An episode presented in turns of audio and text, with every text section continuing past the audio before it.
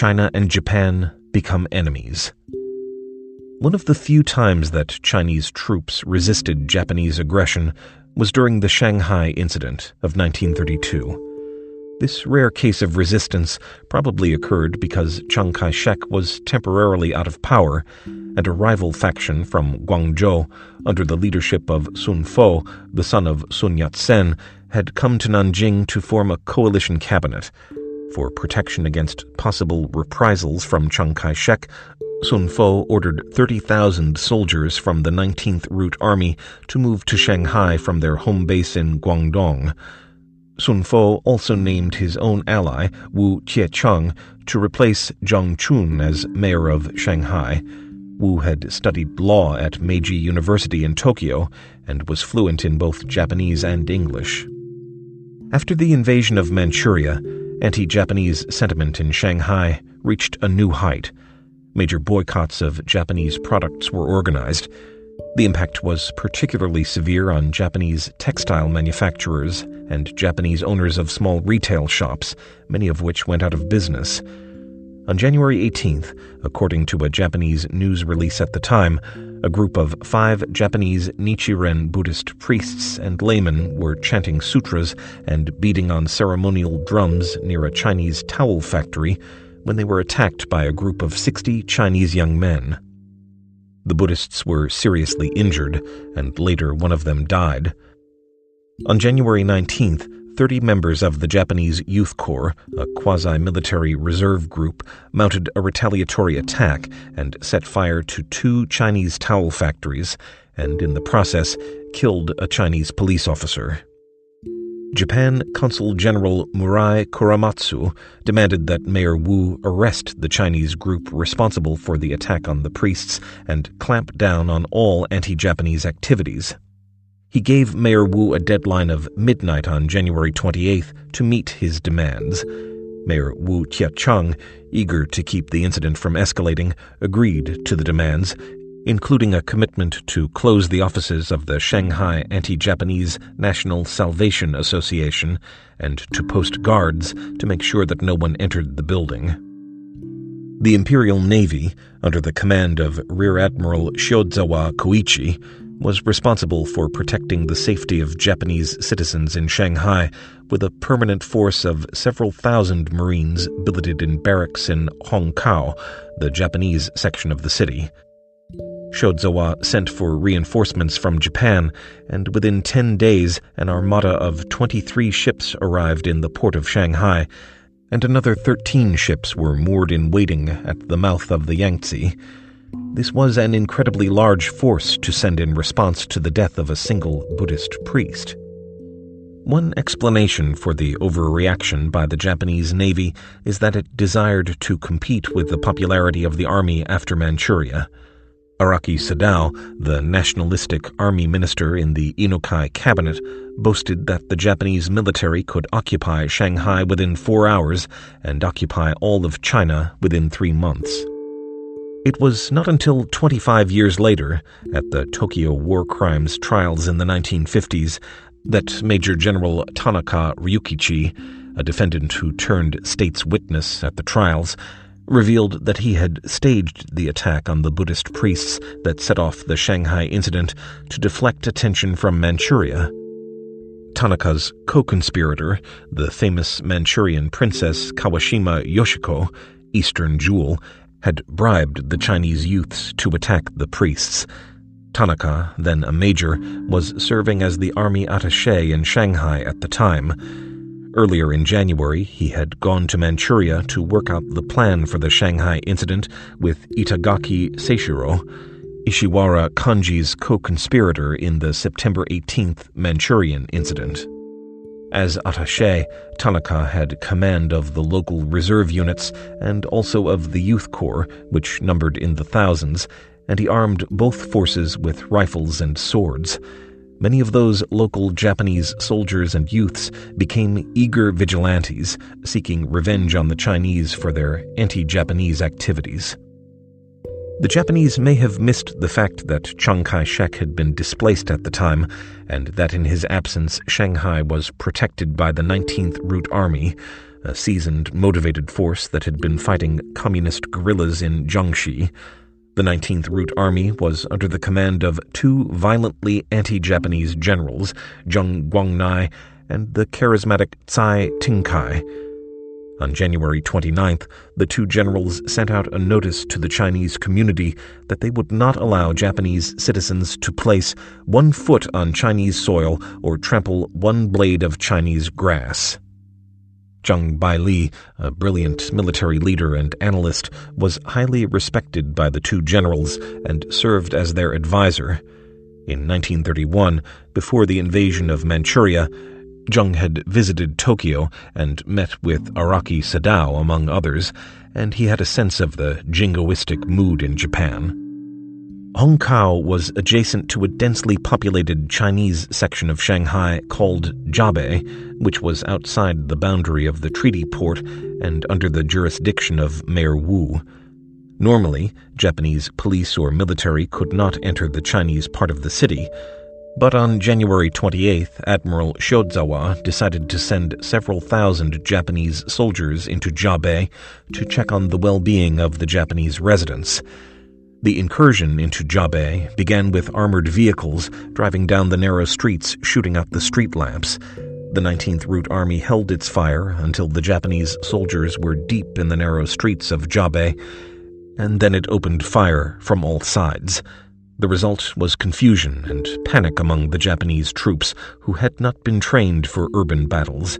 Shiozawa reported the response from the 19th Route Army as an unwarranted attack on Japanese reconnaissance troops.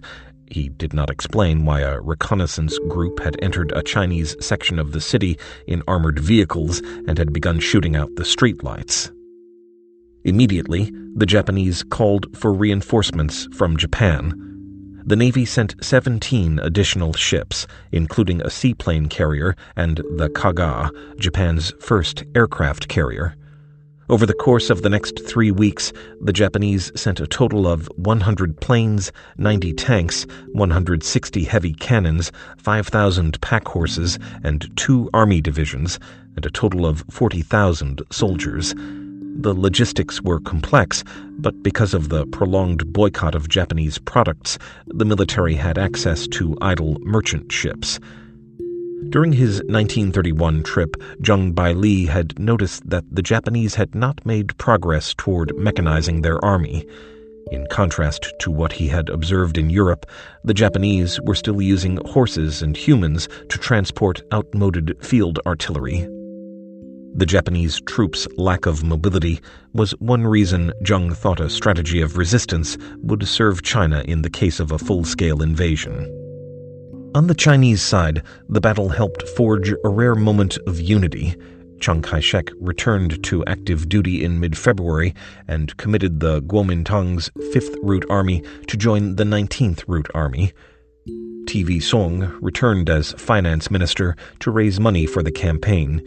Huge numbers of people in Shanghai volunteered, including members of the Communist Party.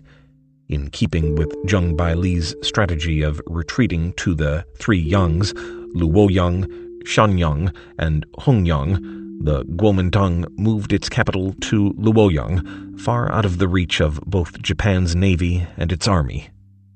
Because they were failing at infantry combat in the narrow streets of Zhabei, the Japanese took to dropping bombs from planes and to lobbing shells into the city from cannons on the Navy ships. This was the first aerial bombing of a civilian population in Asia. The Japanese claimed they aimed only at military targets, but in the densely populated neighborhoods of Zhabei, they destroyed thousands of houses, the North Shanghai Railway Station, and the headquarters of the commercial press company owned by the Song family, as well as the adjacent library of rare books.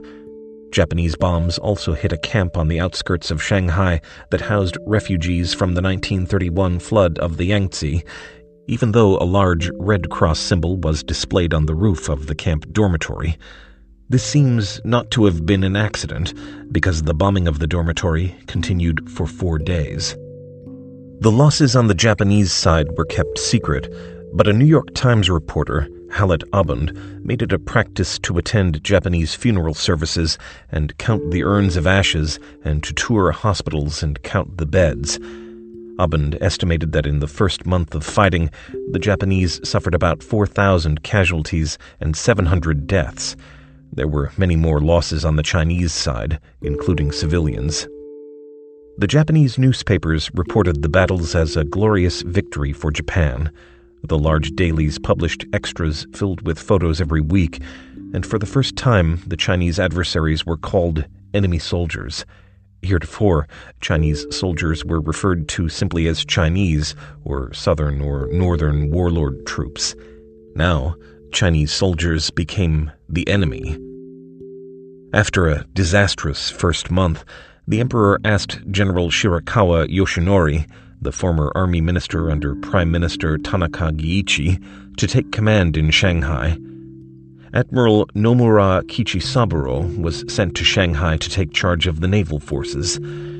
What had begun with the alleged murder of one Japanese Buddhist priest thus became a major battle commanded by Japan's most senior officers. Ishibashi Tanzan and Finance Minister Takahashi both strongly criticized the expense of the Shanghai battle. Takahashi, who had raised money for the Russo Japanese War in 1905 by selling bonds to an American financier, Jacob Schiff, head of the investment bank Kuhn and Loeb, pointed out that Japan could not afford this battle and said he could not think of a compelling explanation for the battle that would convince investors to loan money to Japan or to buy its bonds. The Japanese eventually occupied Shanghai, but at enormous cost. The battle gave the Chinese a badly needed sense of confidence. General Tsai became a national hero, and his photo appeared all over the country, even on packages of cigarettes and containers of salt. Statues of Tsai can still be found in China today. The battle showed the Chinese that the Japanese were willing to commit a disproportionate amount of firepower to what could have been a minor scuffle.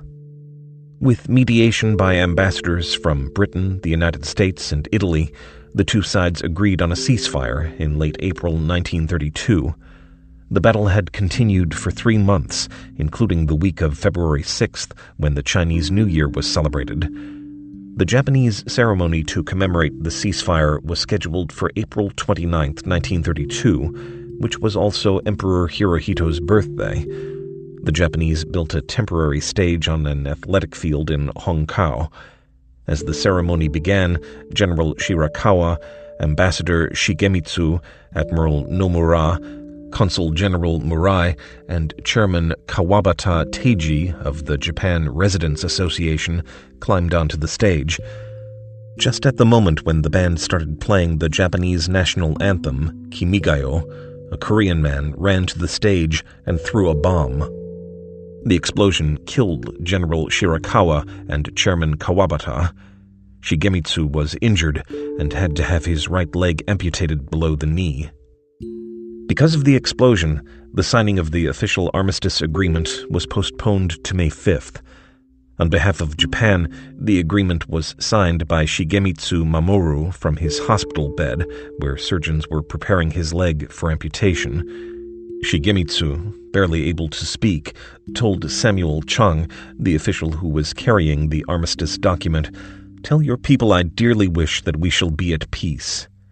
Samuel Chung was moved by Shigemitsu's statement and attempted to shake his hand, but since his right hand was completely bandaged, Shigemitsu extended his left hand and patted Chung with his bandaged right hand. Samuel Chung then took the agreement to the bedside of Vice Foreign Minister Guo Taichi, who had been designated to sign on behalf of the Kuomintang government. Guo Taichi was also hospitalized after having been beaten by a mob of angry students who were protesting the ceasefire. To prevent further attacks by angry students, Guo's hospital room was guarded by five police officers. In Tokyo, General Araki issued a statement saying he hoped that with this agreement the Chinese would abandon their provocative policies. Prime Minister Inukai's statement was more conciliatory. The armistice benefits both parties, though restoration of complete harmony is impossible unless the suspicions that have poisoned the relations of China and Japan have been cleared away. He added, History has shown that the Chinese can unite when they are determined. This was May 5, 1932. Prime Minister Inukai was assassinated by a group of young Navy officers ten days later. The bomb thrown by the Korean on April 29th had been made in laboratories at Fudan University. Thereafter, compact bombs became a common weapon for terrorists in places like Shanghai. As a result, in the Japanese section of Shanghai, before the start of gatherings such as meetings or movies, the audience was always instructed to stand and look under their seats for possible bombs. After the ceasefire, the 19th Route Army was deployed to Fujian, where it split from the Kuomintang. The Sun Fo cabinet fell and was replaced by a cabinet led by Wang Jingwei. Chiang Kai shek returned to his post as the head of the army and continued the fight against the communists in Jiangxi. Whatever unity had arisen in China during the Shanghai battle was gone, and although all the factions espoused nationalism, each seemed to turn the fight against the Japanese to their own personal gain. This aerial bombing by the Japanese was one of the first bombings of a civilian population in history. The bombing of the Basque town of Guernica in Spain, commemorated by Picasso's famous painting, took place five years later in 1937 and had a death toll of 400 to 1600. By comparison, the Japanese bombing of densely populated Shanghai in 1932 killed 5,000 or more. Japan had never planned to invade all of China. With the possible exception of Araki Sadao, most military leaders sought to avoid a full scale invasion of China. Chiang Kai shek's final attempt to appease Japan. In December 1932, the Saito cabinet approved the invasion of Rehe, Jehol, a province north of the Great Wall, covering an area of 114,000 square kilometers. Chiang Kai shek, who was preoccupied with the battles in Jiangxi, pledged to join Zhang Xueliang to defend Rehe, but he was only paying lip service. Zhang assigned his weakest troops to the battle.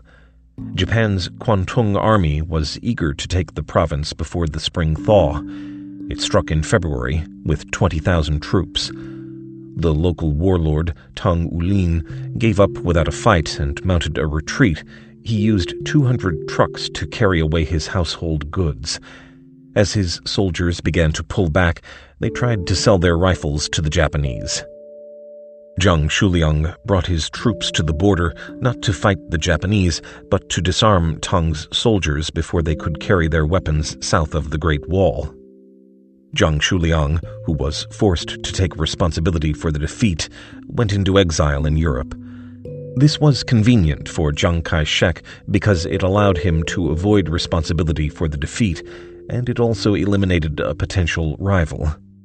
The Kwantung Army then joined with the garrison forces in Tianjin and started invading local areas south of the Great Wall in defiance of an order from Emperor Hirohito. Ironically, after Japan, represented by Matsuoka Yosuke, walked out of the League of Nations in March 1933, the Kwantung Army was no longer constrained by the presence of international rules of cooperation Japan had become a rogue country, and the Kwantung Army was a rogue army. Chiang Kai shek's greatest concern was not to lose Tianjin or Beijing. Short of that, he was willing to compromise, so that his nationalist government in Nanjing would not be held responsible for making concessions. Zhang formed a political affairs council in Beijing to negotiate with the Japanese. Zhang called Huang Fu, who was fluent in Japanese and well connected in Japan, out of retirement and made him head of the council. The two sides worked out an agreement that established a disarmament zone from the Great Wall to Beijing.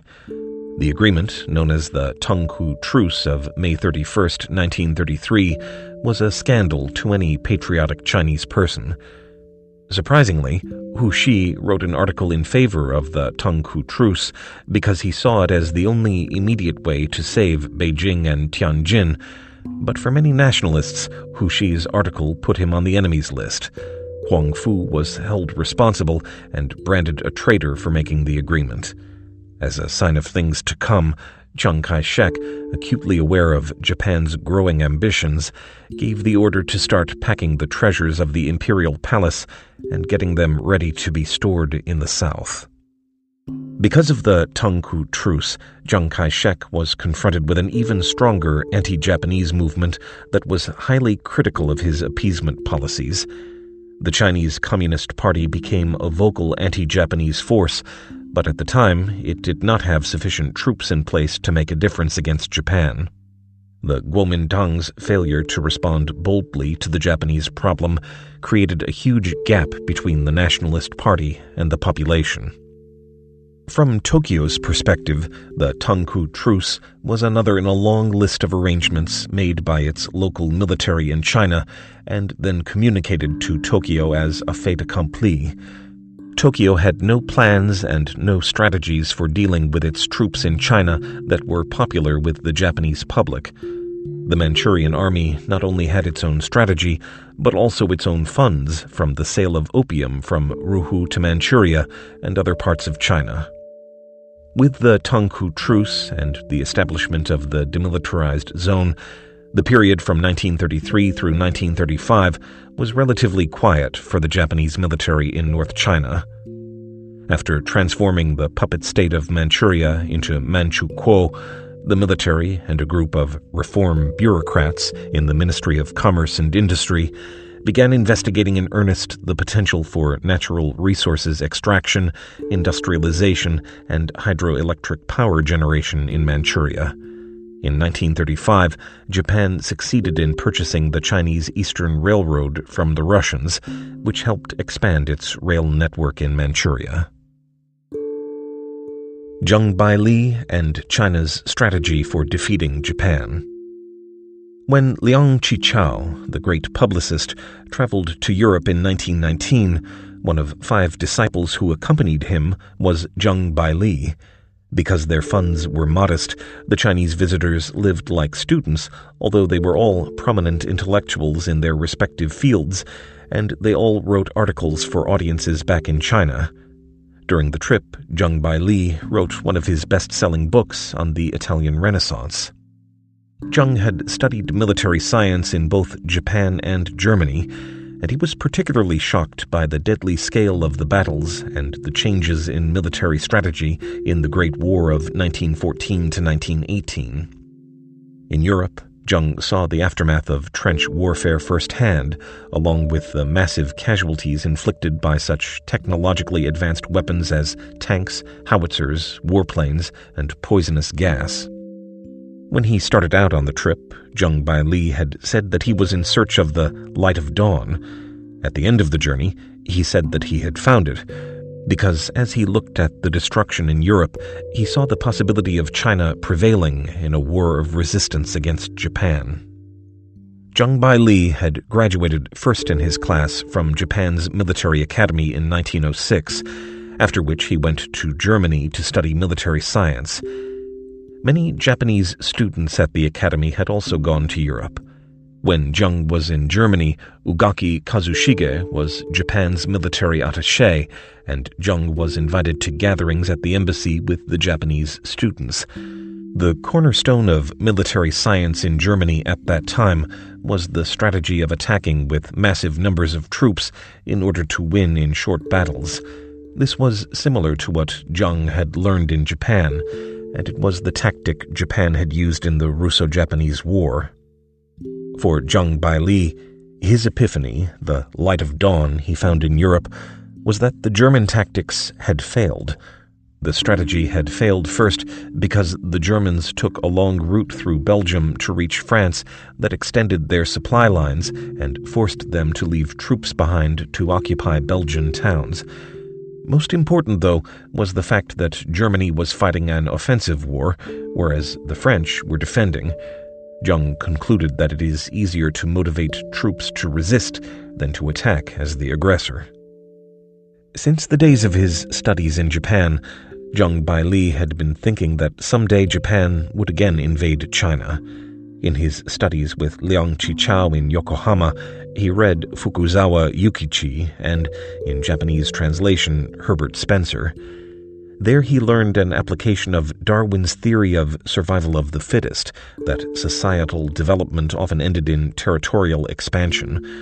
He could thus envision a strategy by which the Chinese might resist a Japanese invasion.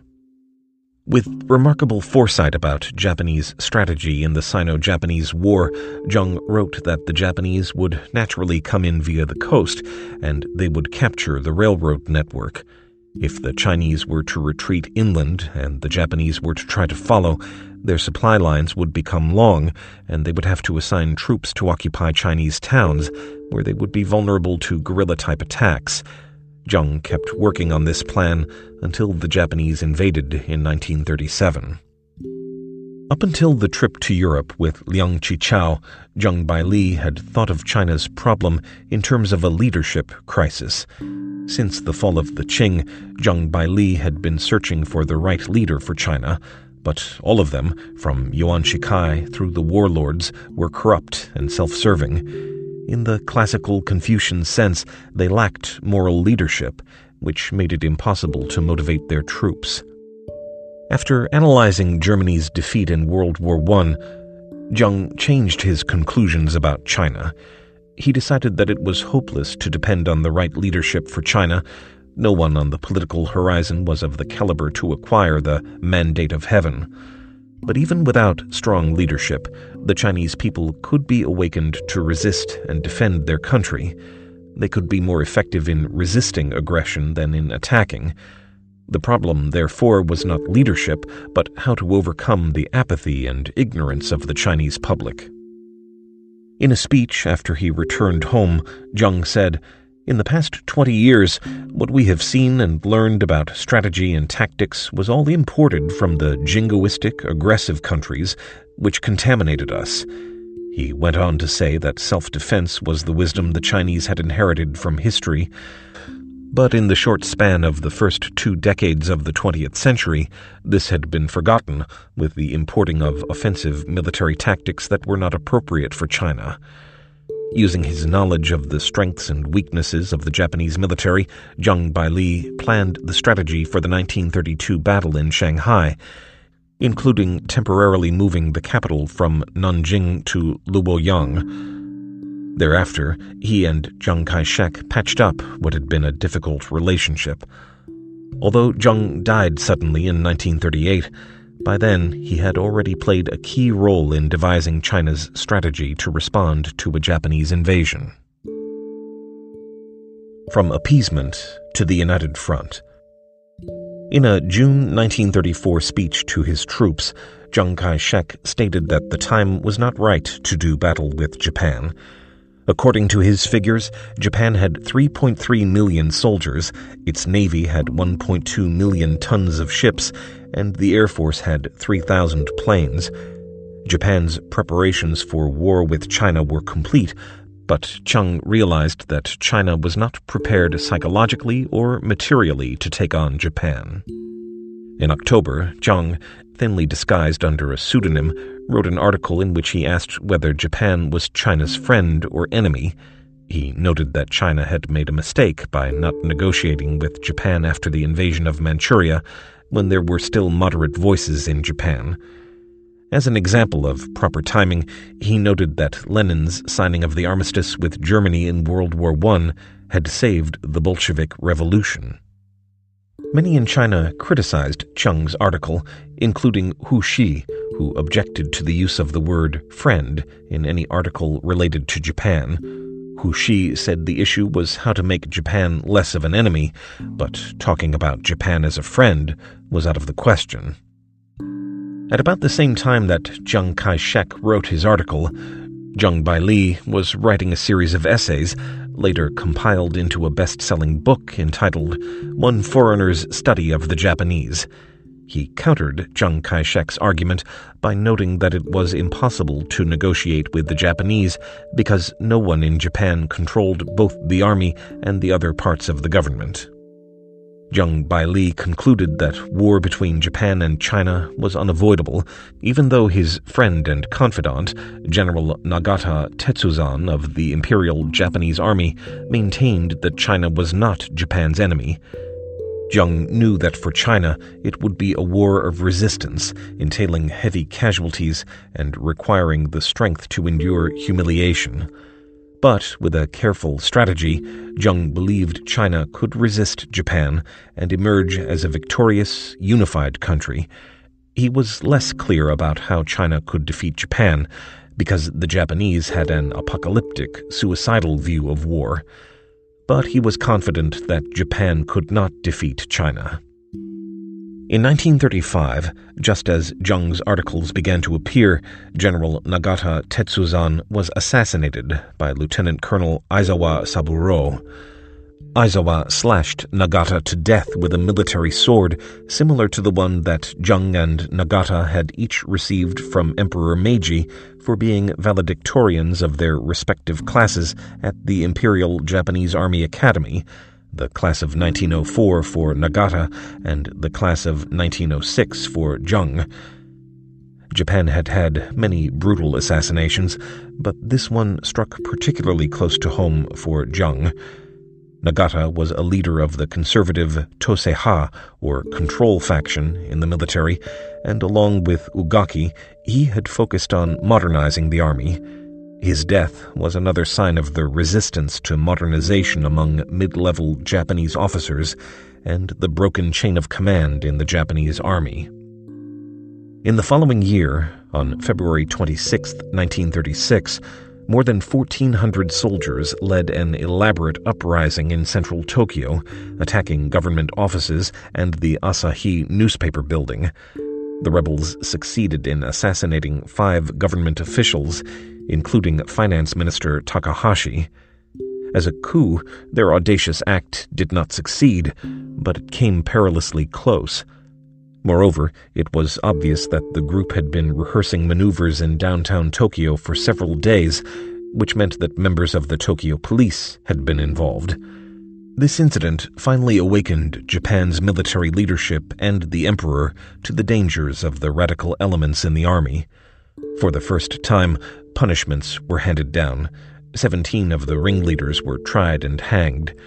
In July 1936, Aizawa Saburo, who had killed Nagata Tetsuzan the previous year, was also hanged.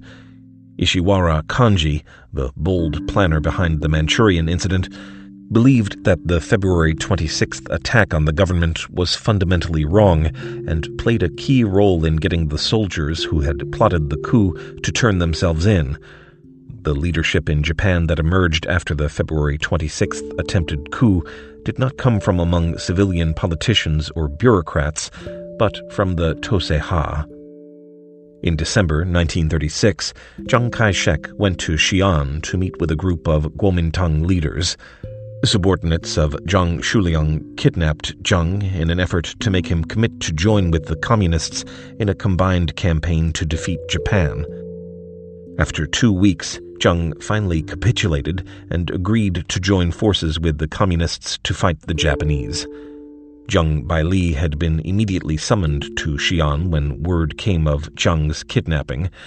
He went as a member of Chiang Kai shek's staff, but unlike Zheng, he strongly supported combining forces to resist the Japanese. In his strategy, this was a first necessary step. Chiang Kai shek was a realist.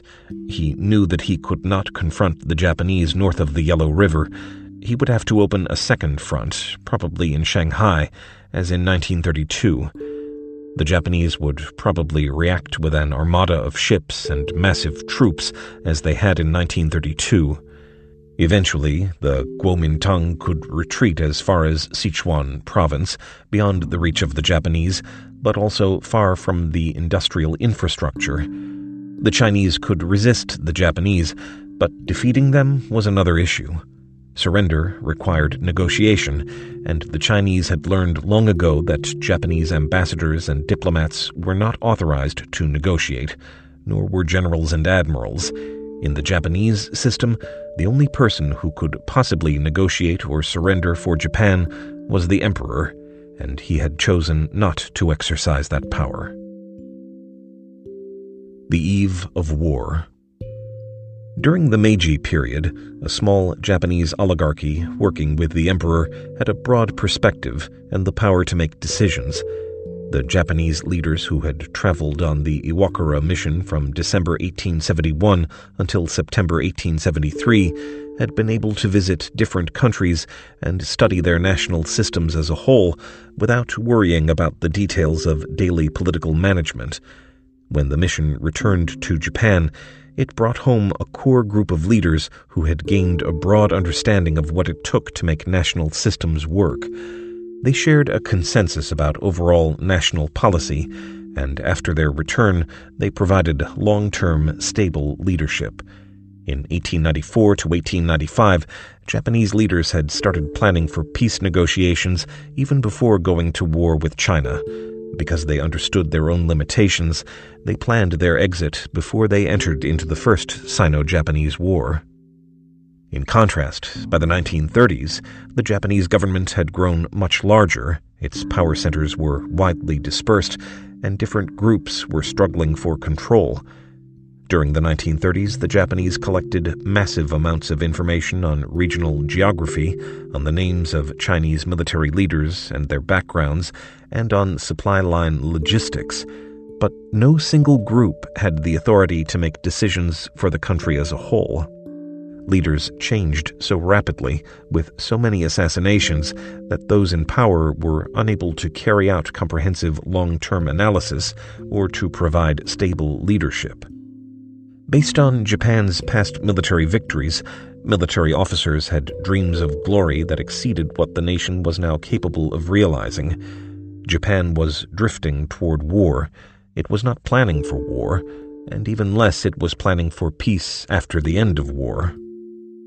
Before the Sino Japanese War of 1894 to 1895, Chinese leaders had taken so little interest in Japan that they had scant information about the country and lacked an understanding of the enemy they faced. By the 1930s, there were tens of thousands of people in China who had studied in Japan. Some had close Japanese friends and knew Japan extremely well. Not only did the Chinese have detailed information about Japan, but they also had a deep understanding of Japanese psychology. They could undertake excellent analyses of what to expect from the Japanese. But the Chinese did not have the unified national structure to build on what they knew. Japan's tragedy was that it had the ability to mobilize military forces without a clear strategy or mission, without a central authority capable of creating and implementing a strategy. China's tragedy was that while it could brilliantly analyze the overall strategic picture, it lacked the unified government, the industrial base, the weapons, and the disciplined soldiers to stop the advancing Japanese troops.